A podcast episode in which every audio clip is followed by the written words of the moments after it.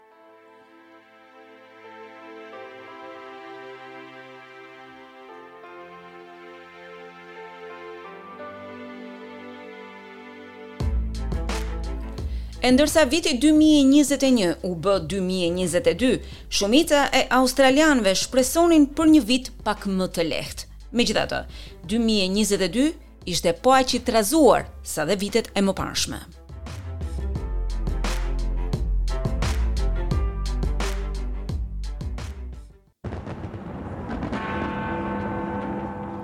Në ditën e parë të vitit, fishekzjarret e Vitit të Ri në Sidni ishin shumë ndryshe në 2022-shin nga vitet e mëparshme.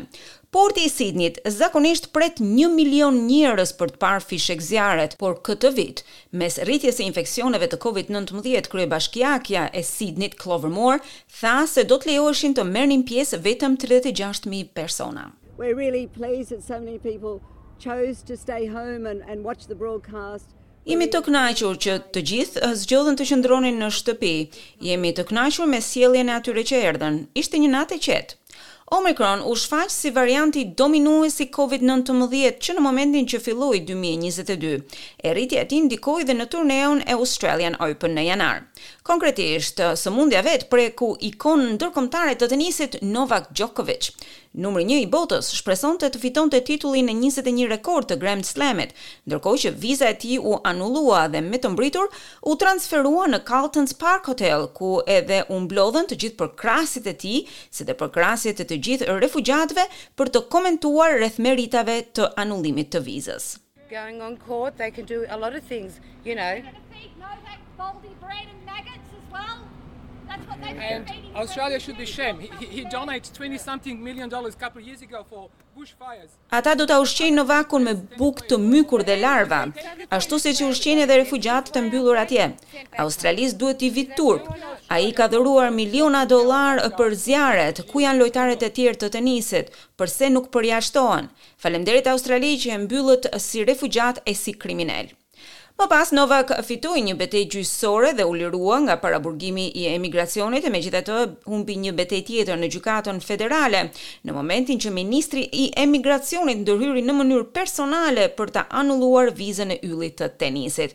E kështu ai u largua nga Australia e nuk ishte në gjendje që të luante në Australian Open.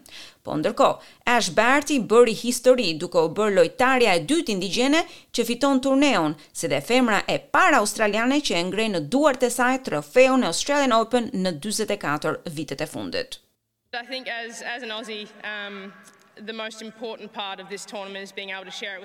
Si australiane, pjesa më e rëndësishme e këtij turneu është të jesh në gjendje që ta ndash gëzimin me kaq shumë njerëz. Jeni një grup i jashtëzakonshëm, tha ajo. e më pas Ash Barty u tërhoq nga tenisi vetëm një muaj më vonë. Në janar, Australia kaloi një periudhë shumë të rëndësishme. Shënoi më shumë se dy milionë raste të koronavirusit që nga fillimi i pandemisë. Ndërkohë shënoi gjithashtu edhe totalin e saj më të lartë ditor të vdekjeve me nëntëdhjetë e shtatë vdekje të raportuara në vend. Shefi i shëndetësisë në Queensland, John Gerrard, tha.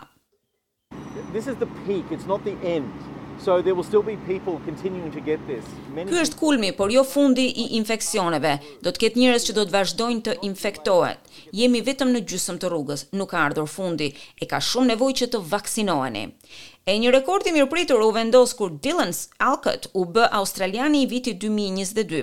Hera e parë në historinë gjashtëdhjetë e dy vjeçare të çmimit, që një person me aftësi të kufizuara njihet në rang kombëtar. The reason I get out of bed is is not to win gold medals and grand slams, it's to change perception so people like me, people with disabilities. Arsyeja që ngrihem nga shtrati është jo për të fituar medalje të arta, po për të ndryshuar perceptimin për personat me paaftësi. Njerëz si unë, njerëz me aftësi të kufizuara duhet të marrin mundësinë që meritojnë. E në shkurt, qeveria federale më në fund hapi kufinjtë e Australisë për vizitorët ndërkombëtarë e të vaksinuar. Në njëzet e tre shkurt, Australia vendosi sanksione kundër Rusisë për shkak të ngritjes së trupave të saj në kufirin me Ukrainën. Ja se si u shpreh kryeministri i atëhershëm Scott Morrison. Nuk mund të pranojmë sugjerimin se Rusia ka të drejtë këtu. Ata po sillen si banditë, si ngacmues, e nuk duhet të pranohet një sjellje e tillë. Një ditë më vonë, Rusia pushtoi Ukrainën. Në mars, moti i egër në të gjithë Queensland dhe New South Wales shkaktoi përmbytje të rënda, bile dhe vdekjeprurëse. Nëntë vdekje në Queensland e premierja e vendit Annastacia Palaszczuk dha këtë paralajmërim. The Bureau has advised us they can be life threatening thunderstorms and it's going to be continuous for the next twenty four. Byroja na ka këshilluar se do të ketë stuhi kërcënuese për jetën. Gjendja do të vazhdojë për njëzet e katër deri në dyzet e tetë orët e ardhshme. Qëndroni nëpër shtëpi e jashtë rrugëve.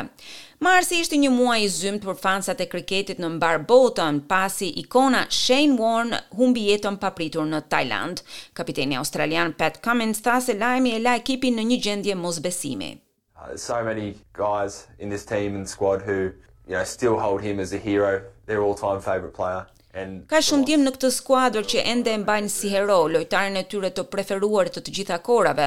Humbja është e rëndë, e të gjithë po përpiqemi ta pranojmë atë. Në fund të marsit, qeveria federale solli buxhetin e saj një muaj më herët, duke paraqitur në mënyrë efektive një manifest të koalicionit përpara zgjedhjeve federale të majit. Në mes të prillit filloi zyrtarisht edhe fushata zgjedhore. Ndërkohë Banka e Rezervës u vu nën presion për të rritur normat e interesit, pasi norma vjetore e inflacionit në Australi u ngjit në nivelin më të lartë në dy dekada. Kjo e nxitur edhe nga rritja e çmimeve të benzinës dhe kostove të banesave. Indeksi i çmimeve të konsumit u rrit, duke e çuar normën vjetore në pesë pikë një përqind. Në përpjekje për të ngadalësuar inflacionin, Banka e Rezervës rriti normat e interesit me njëzet e pesë pikë, rritja e parë e normave në njëmbëdhjetë vite. Në njëzet e një maj, Australia pati një qeveri të re dhe Anthony Albanese u bë kryeministri i tridhjetë e njëtë i Australisë. We can end the climate wars. Together we can fix. Së bashku do t'i japim fund luftërave klimatike. Së bashku do të rregullojmë krizën në kujdesin e të moshuarve. Do të ecim përpara për të dhënë mundësi të barabarta për gratë, për të patur një prioritet kombëtar ekonomik dhe social. Do të krijojmë së bashku një komision kombëtar kundër korrupsionit. Në fillim të qershorit, mbretëresha Elizabeta e Dytë festoi shtatëdhjetë vjet në fronin britanik. Let it be known, in proclaiming this tribute to Her Majesty the Queen on her Platinum Jubilee, that we are one nation and one Commonwealth, God save the Queen! Por festimet u kthyen në pikëllim në shtator. We have some very important news. Buckingham Palace has just announced that Her Majesty Queen Elizabeth the Second has died. Kemi lajme shumë të rëndësishme nga Pallati Buckingham, sapo është njoftuar se madhëria e saj, Mbretëresha Elizabeta e dytë ka vdekur. Qershori pa rritjen më të madhe të normave të interesit në Australi në më shumë se dy dekada, që përkon edhe me rritjen e ndjeshme të çmimeve të gazit dhe energjisë elektrike. E ndërkohë Socceroos mundën Perun për të fituar një vend në Kupën e Botës së këtij viti. Rezultatet e para të regjistrimit të vitit dy mijë e njëzet e një u publikuan, duke treguar se Australia Po bëhet gjithnjë më e larmishme, më pak fetare dhe popullsia e saj është dyfishuar në madhësi gjatë pesëdhjetë viteve të fundit. Kryeministri Anthony Albanese njoftoi se qeveria e tij do të shkojë drejt krijimit të një zëri indigjen në parlament. Më vonë, Australia humbi dhe dy ikona të dashura të muzikës. Vokalistja kryesore e The Seekers, Judith Durham, vdiq në moshën shtatëdhjetë e nëntë vjeçare. Trashëgimia e saj përfshin dekada të tëra.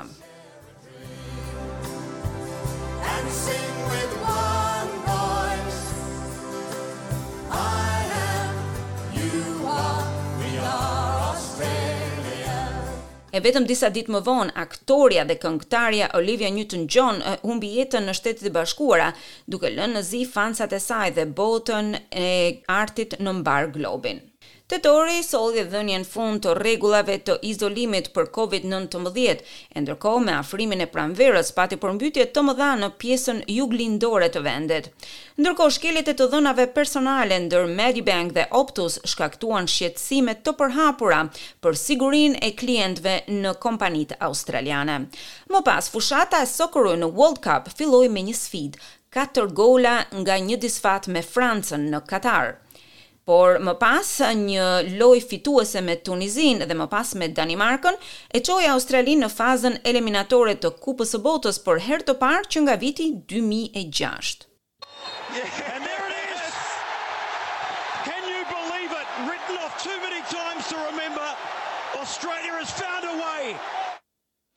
Socceroos më në fund u mundën, por dolën me krenari pas një loje të fortë me Argjentinën në raundin e gjashtëmbëdhjetë. Krenaria dhe zhgënjimi ishin mbizotëruese në ndjenjat e tifozëve të veshur me ngjyra të gjelbra dhe të arta, por edhe te trajneri australian, Graham Arnold. Shpresoj që të gjithë australianët ta respektojnë atë që kemi bërë deri tani dhe të jenë krenarë për ne. Ia dolëm mbanë. E kështu u mbyll edhe një tjetër vit në jetën australiane.